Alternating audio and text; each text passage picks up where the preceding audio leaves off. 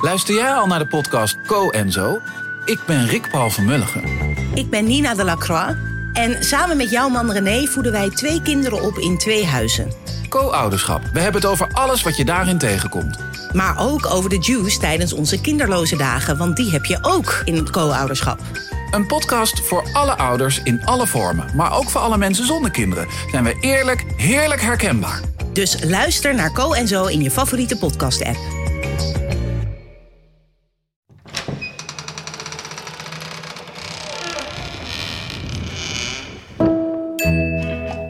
Welkom bij de vijfde bonusaflevering van Echt Gebeurd. Jullie weten het inmiddels, op 15 mei vieren we ons 15-jarig bestaan in Carré. En in de 15 weken daarvoor brengen we elke maandag een favoriet verhaal uit onze beginjaren opnieuw onder jullie aandacht. Vandaag in de herhaling het olifantenverhaal van Joep van Deudekom, verteld in mei 2015 en eerder verschenen als aflevering 110.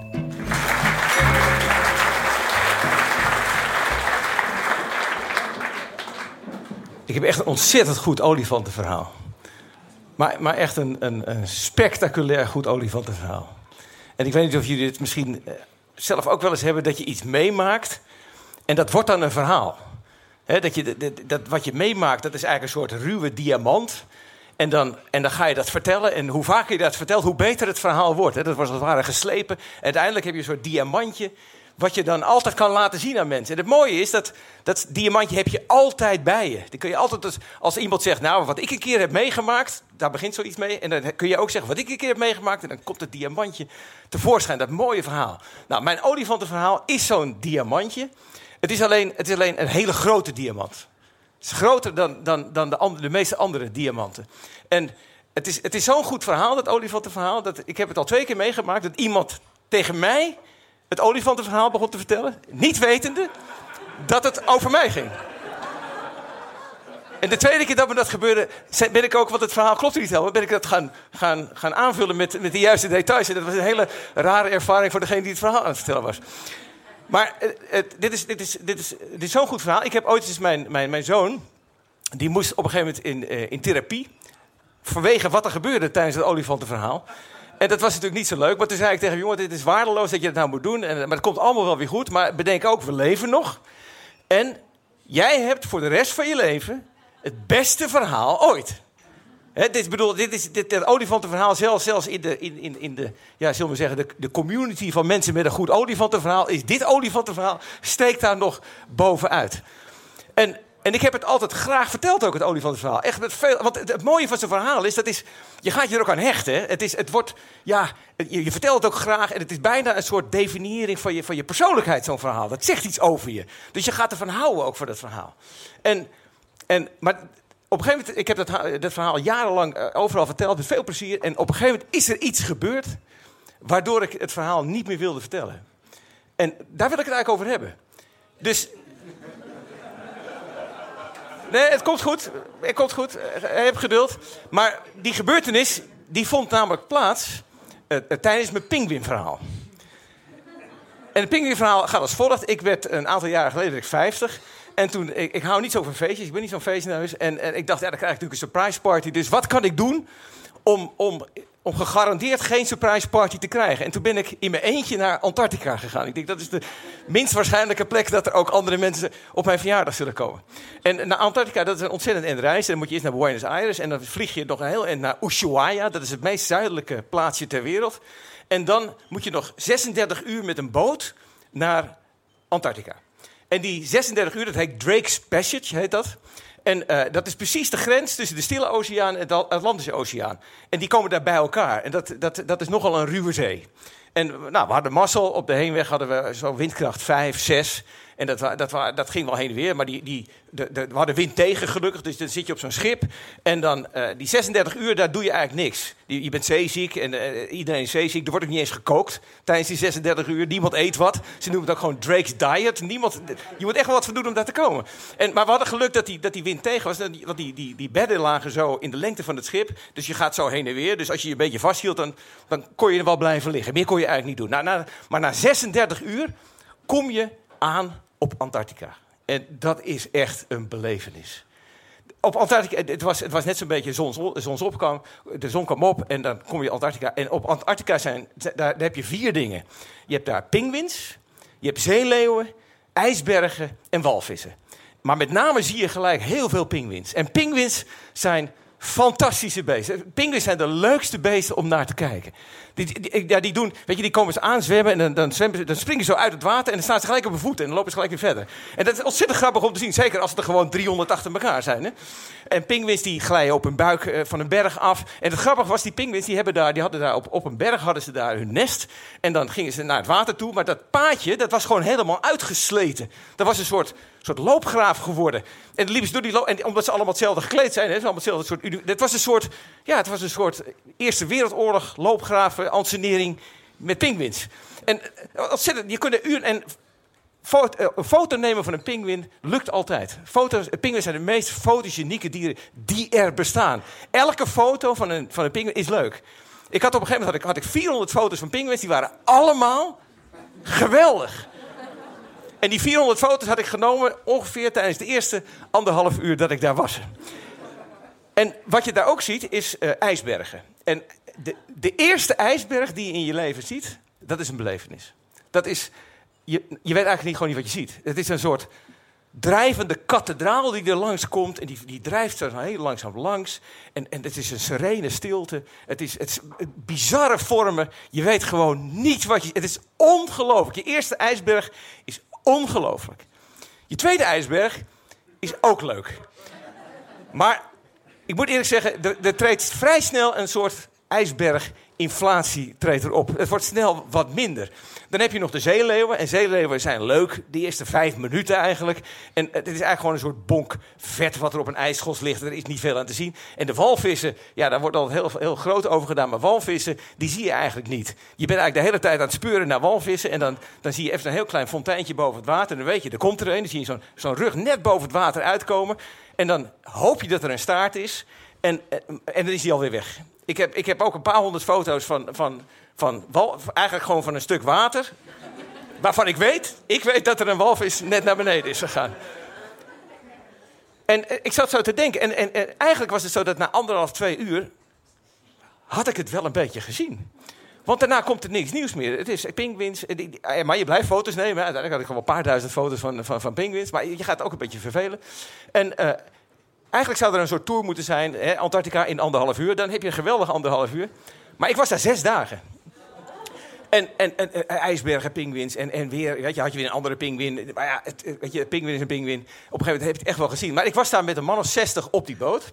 En die mensen die hadden, eh, ik heb vrij veel gereisd ook in mijn leven. En zij ook. Ze hadden vrij veel gereisd. En Antarctica was toch een beetje, ja, het, het, weet je, het sluitstuk van je reiservaringen. En dan ga je niet na een dag zeggen van ja, ik heb het eigenlijk wel gezien. Dat doe je. Trouwens, het is ook ontzettend reis om er te komen. Het is ontzettend duur ook om er te komen. Dus dan ga je niet zeggen na een dag, ja, ik heb het eigenlijk wel gezien. Maar we hadden het eigenlijk allemaal wel gezien. Dus die, zes, ja, die dagen, en er is ook niks verder. Het is niet een cafeetje of iets leuks, er is gewoon niks verder. En, en, en na, na, na, na die zes dagen gingen we weer terug op de boot. En weer 36 uur dragspesjes. En toen hadden we iets minder geluk, toen was het windkracht 9. En, en, en uh, golven van 7, 8 meter hoog. En dat is, dat is echt wel hoog. En we hadden een beetje de pech dat de, de golven dus niet, niet zo in die richting, maar die golven in die richting. En voor de rest kon je eigenlijk niks. Je, je, je, je had een soort kantine waar je zat, maar daar kon je niet zitten. Want die stoelen die gingen gewoon alle kanten op. Die stonden met kettingen vast. Maar je kon, je kon helemaal niet blijven zitten. Het enige, wat, ging je weer op je bed liggen. Nou, je moest je met twee handen vasthouden. En dan, maar je ging zo heen en weer, dat, dat, je hield het gewoon niet vol. Dus enige, de enige plek eigenlijk waar je, waar je kon vertoeven, dat was in het gangpad naast de hutten. Dat was een gangpad van anderhalve meter breed. Dan ging je met je voeten tegen de muur aan, zette je schrap, met je rug tegen de andere muur. En zo zit je helemaal schrap. 36 uur lang in het donker zaten daar met, de hele, met, met al die mensen zaten daar. Dus dat was het moment om elkaar verhalen te vertellen. Dus ik denk, ja, dit is het moment van mijn olifantenverhaal. Mijn olifantenverhaal, dat, dat, dat moet je even zien. Uh, de, de, context is, ik ben met mijn, mijn, vrouw en mijn kinderen van 7 en 9... Uh, zijn we met een camping door Zuid-Afrika aan het reizen. En wat wij al hadden meegemaakt die vakantie was dat... mijn zoon had al een, een schop gehad van een, van een paard. Wat heel raar was. Met, net tegen zijn hoofd aan. was net goed afgelopen. Mijn vrouw had een baviaan in de camper gehad. Dus, en bavianen, dat zijn, als je aan Zuid-Afrikanen vraagt, die zijn banger voor, eh, voor bavianen dan voor leeuwen. Want die zijn heel agressief, met name tegen vrouwen. En die baviaan komt de camper in en mijn vrouw kon geen kant op. Dus nou ja, dat is een levensgevaarlijke situatie. En toen heeft de baviaan één fout gemaakt. Die heeft namelijk haar toilettas gepakt van de tafel. En toen werd zij zo verschrikkelijk boos... dat die baviaan gewoon gevlucht is. En we hebben ons later gerealiseerd, dat heeft waarschijnlijk gewoon haar leven gered. Dat, is echt, dat was echt een hele benauwde situatie. We hebben rondgereden met de camper eh, in een bosbrand. Stonden, aan beide kanten stond het vu- vuur anderhalve meter hoog, de vlammen zo in de berm. Terwijl we helemaal niet wisten waar we nog we waren. eh, Geen idee. We hebben een overstroming meegemaakt die vakantie. Dat we, dat we eh, op een gegeven moment waren zoveel regenval, er kwam zoveel water uit de rivieren. Dat, dat, je moest op een gegeven moment echt een, een berg op om veilig te zijn. Dorpen werden geëvacueerd. Dat was onze vakantie. Hè? Dorpen werden geëvacueerd. En ik zag s'avonds op het journaal zag ik een weg. Die was gewoon weggespoeld. Er lag een camper lag er in de. Die- Diezelfde weg hadden wij smiddags anderhalf uur ervoor eh, genomen ook. Dus we hebben echt door het oog voor de naald gekregen. We hebben nog, een, we hebben nog iemand op het, strand bij Kaapstad waren we aan het zwemmen. Kinderen waren gewoon aan het zwemmen daar. Toen kwam ineens een helikopter aan. 100 meter voor, verderop was iemand. Waren zijn benen eraf gebeten door een witte haai. Dat, dat was een beetje onze, eh, eh, echt één bizar ding nog, voordat ik echt aan het olifantenverhaal begin, maar één bizar ding. Er was, op een gegeven moment waren we ergens, stonden we, en toen was een groot soort, soort witte, ja, paradijsvogelachtige pauw. Het was een fantastische vogel, echt enorm hoog, zat in een boom. Wij foto's maken en zo, nou, prachtig en zo. En op een gegeven moment sta ik in die camper, sta ik even te koken. Ik hoor ineens een hele harde knal, ik ga naar buiten. Heeft die vogel zich te pletten gevlogen tegen onze stilstaande camper? Dus die, die lag op de grond. Kwam eens een straaltje bloed uit zijn mond. En, en mijn zoon die had zo'n boekje met alle dieren die hij gezien had. Die ging snel de camper in, pakte het boekje zegt... ja, ik streep hem toch nog even aan. Dit was ongeveer de situatie die je moet voorstellen... waarin het olifantenverhaal nog zich plaatsvond. Het olifantenverhaal bestaat uit twee delen. Het eerste deel was dat we in het Krugerpark waren. En, en op een gegeven moment kom je een olifant tegen. Nou, de meeste mensen zijn altijd heel erg blij als ze een olifant zien in het Krugerpark. Wij kwamen er één tegen. Tenminste, we wisten in het begin niet wat er aan de hand was. Want we kwamen namelijk allemaal auto's achteruit rijden. Dus ik kom aan met mijn camper. Een weggetje aan de andere kant, eh, beide kanten had je ongeveer een meter over. Komen er ineens allemaal auto's achteruit rijden. En ineens komt uit het bos komt een, woedende olifant. Die zo zigzaggend over de weg gaat. En iedereen moest achteruit. Ik moest ineens, ik denk ik wel 4, 5 kilometer met mijn camper achteruit moest rijden. En dat is vrij lastig. En, en zeker als je zo'n olifant voor je ziet. Dat was de ene dag. En toen dachten we, nou, dat hebben we wel iets meegemaakt, zeg. Maar doen door op de volgende dag. Wat er gebeurde, is... Wij zijn het Krugerpark en we gaan op een gegeven moment van de weg af. Zo'n klein eh, zandpaadje was dat. En eh, eh, om, want bij de rivier stonden er een paar olifanten. En er waren ook een paar kleintjes waren erbij. Dus wij zetten die camper daar neer, raampje open, filmen. Ja, het was fantastisch. Weet je, drie, vier, vijf olifanten, een paar kleintjes erbij. En op een gegeven moment, ik kijk nog eens een beetje zo. Ik denk, nou, wacht, er zijn er iets meer olifanten. Het zijn soms 10, 12. Oh, op een gegeven moment kijk ik rechts van me. We waren omsingeld door olifanten. Daar stonden denk ik wel 50, 60 olifanten gewoon echt om onze camper heen. Er was verder niemand. En op die weg, een meter of 50 van ons af, stond ineens de grootste olifant. Ik weet niet, mensen hebben misschien wel eens in, zijn wel eens in Thailand geweest, hebben wel eens op een olifant gezeten. Wie heeft wel eens op een olifant gezeten of een olifant gezien in Thailand? Ja, nou, ik, ik zou je ding zeggen, de, de, de, de olifant in Thailand, dat zijn de roel van Velsers onder de olifanten. Dat is niks. Een Afrikaanse olifant is zo groot als een huis. Je weet niet wat je ziet. Die was anderhalf keer zo groot als de camper. En die olifant stond een meter of vijftig, stond hij voor ons. En, en, eh, eh, en eh, daar zag ik ook nog, dat had ik net in het boekje gelezen, hij had zo'n traan, liep hij hier zo. Dat is musk.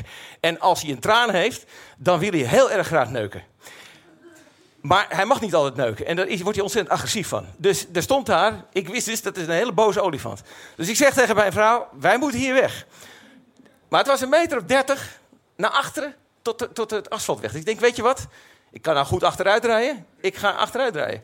Dus ik zet hem heel zachtjes zijn achteruit. Ga achteruit rijden. Komt er ineens een moederolifant met een kleintje achter de camper. Dus ineens bedacht ik, wat ziet die olifant daar? Die olifant daar, die ziet dat ik met mijn camper op een moeder en een kleintje afga. En die olifant, die komt zo naderbij en die gaat voor onze camper staan. Echt een anderhalve meter voor de camper. En dat is echt een huis hè, wat er voor je staat. Met die grote oren. Hij stond met zijn kop te zwaaien. Hij stond te toeteren. Hij stond de grond met zijn voeten stond hij weg te graven. Het was de hel echt. Het was de hel. En, en wat er wonderlijk wat er gebeurde is, mijn, mijn, mijn twee zoons... Die, die, die, stond, die zaten ineens zo half zo achter me, naast me. Die zaten, zaten met gevouwen handjes. Laat ons leven! Laat ons leven! Ze zijn helemaal niet gelovig opgevoed. Waar dit vandaan kwam. Dat je bijna denkt van, nou, er bestaat toch een God dat je dat automatisch doet. Maar ze, begonnen echt, en het was, het was verschrikkelijk. En ja, je, je bent totaal verstijfd. Je weet niet wat je, wat je moet doen. En op een gegeven moment stapt die olifant, die stapt opzij. Het leek een beetje alsof hij een beetje verveeld was. En, uh, hij stapt opzij en mijn vrouw die zegt, gas geven, gas geven nu. Dus ik geef gas en baf! Ik sta in één keer sta ik stil. Ik dacht, ik ben tegen een boom aangereden. Ik kon, ik, het was echt een knal, echt een keiharde knal. En mijn, vrouw zegt, gas, gas, geef gas. Ik zeg, je staat tegen een boom. Nee, die olifant. Wat bleek? De olifant was vanaf de zijkant, was hij, met zijn twee grote slagtanden, was hij gewoon zo dwars door die camper heen gegaan. Mijn zoon zat voor het raam, hè. Die kreeg zo die twee slagtanden zo door die camper heen. Die had het glas in zijn haar zitten, echt van het raam was kapot. Het was verschrikkelijk. En toen, maar ik gaf gas en ik kon wegrijden. Ik, ik scheurde weg. Maar ik moest er nog een, een hele bocht moest ik terugmaken. En toen kwam die olifant, die kwam met volle snelheid nog een keer op ons af. Toen konden wij net... en ik zag hier nog in de, in, in, in de hoek zag ik nog een andere auto staan met mensen met hele grote ogen. En, en, en ik, ik reis en ik ga net, net voorbij die olifant, rij ik weg. En ik heb twintig minuten lang vol gas. En je hebt daar van die washboard roads, heb je dat? Van die, van die, van die trillende wegen zijn dat. Twintig minuten lang vol gas. Merkwaardig genoeg was ik al aan het bellen met de camperverhuurder. Terwijl ik aan het rijden was op dit ding. Om, om, om, om, dat te vertellen, wat een hele rare reactie was. Dat. Maar op een gegeven moment werden wij ingehaald door die andere auto. Dus op een gegeven moment raakte ik, kwam een beetje tot mezelf. Raampjes open en zo. En, en zij vertelde, ze hadden gezien dat die olifant, die had die camper gewoon opgetild aan de achterkant. Dus wij waren, toen ineens, ik zag in hun ogen, zij waren gewoon groen. Ik zag ineens in hun ogen, want ik was alleen maar bezig met overleven. Maar ik zag in hun ogen, zag ik eigenlijk wat er gebeurd was net. En toen pas, nou, ik, ik ben natuurlijk helemaal kapot ervan en, eh, paniek, weet ik veel wat. En toen kwamen we uiteindelijk bij, bij, bij, de receptie van het Krugerpark. En toen zeiden we, ja, we zijn aangevallen een olifant. En die zeiden, oh, uh, elephant attack at the, at the river. Die maakte een aantekening, oké, next customer. Interesseert dus helemaal niks. Heel bizar. En de, nou, die, die, die camper was totaal los. En, en, en ja, we hadden gewoon wel dood kunnen zijn. Ik zit in dit gangetje. En ik heb dit verhaal verteld op deze manier. Het is even stil. Dan zegt die meneer naast me. Die zegt... Uh, ja, die kutolifanten, jongen. Waardeloos. Ik heb uh, zes jaar in de Congo gewoond. Elke week kwam er wel een olifant aan. En dan stond hij weer op je auto. Dan stond hij weer op je fiets. dan ging de moestuin helemaal naar de kloten. Wij gaven onze kinderen altijd gewoon een gun mee. En als er een olifant was, dan moesten ze schieten, want dan draaide hij zich om. Andere buurman, die zegt... Maar die, die, weet, toen je met die olifant stond, je hebt, er wel, je hebt er wel je motor uitgedaan. Ik zeg, maar motor uitgedaan? Nee, natuurlijk niet. Ja, je moet je motor uitdoen. En andere mensen ook knikken. Ja, bij een olifant moet je je motor uitdoen. Want hij wordt namelijk van die motor wordt die, wordt die agressief. Dus dan, dat ziet hij als een, als een levend ding. Als je hem uitdoet, dan, is het, dan denkt hij het is een dood ding. Dat maakt niet uit. Dan gaat hij weg. Dus blijk, en iedereen wist het blijkbaar. De volgende, de volgende begint met een verhaal dat hij, eh, dat hij ontvoerd was in Jemen. En dat hij, dat hij op een gegeven moment zijn zijn lot overgelaten. Zes dagen door de woestijn zonder water moeten lopen. Net overleefd. Er was een andere man die had bij de ambassade gezeten bij Nigeria. Die stond op een gegeven moment naast de auto van de vicepremier. Die opgeblazen werd. Hij stond gelukkig in een bushalte. Waardoor er geen rondvliegende lichaamsdelen tegen hem aankwamen. Er was een oud RAF-piloot die mee was, die vertelde die twee keer was neergeschoten. Met zijn vliegtuig boven Kuwait in de Eerste Golfoorlog. Die ging vertellen hoe het is om met een goede schietstoel eruit te gaan. Ik was werkelijk een loser. Mijn olifant, die hebben zich daar niets van herinnerd. Die zijn dat totaal vergeten. En wat ik me toen realiseerde, wat ik me toen realiseerde, en daarom wil ik het eigenlijk niet meer vertellen, het olifantenverhaal. Want wat er eigenlijk aan de hand is, is dat, kijk, jullie en de mensen om mij heen, mijn vrienden en bekenden, die hebben allemaal zo'n diamantje bij zich, die ze wel eens willen hebben laten zien. En wat ik dan doe, is dat ik laat ze rustig uitpraten en ik val ze compleet weg met mijn olifantenverhaal. Want dat is in, bij die, al die verhaaltjes veel beter. En ik, heb, ik kom er dus, want ik voelde me echt, echt waardeloos. Namelijk, ik, want het, ik was trots op mijn olifantenverhaal en ineens was ik een loser. Dus wat ik dus al die jaren gedaan heb, is bij al mijn vrienden en kennissen eigenlijk al hun prachtige herinneringen heb ik eigenlijk gewoon kapot gemaakt. En dus daarom, maar ik dacht, hier, hier mag ik het weer eens vertellen. Dus dank jullie wel voor de aandacht.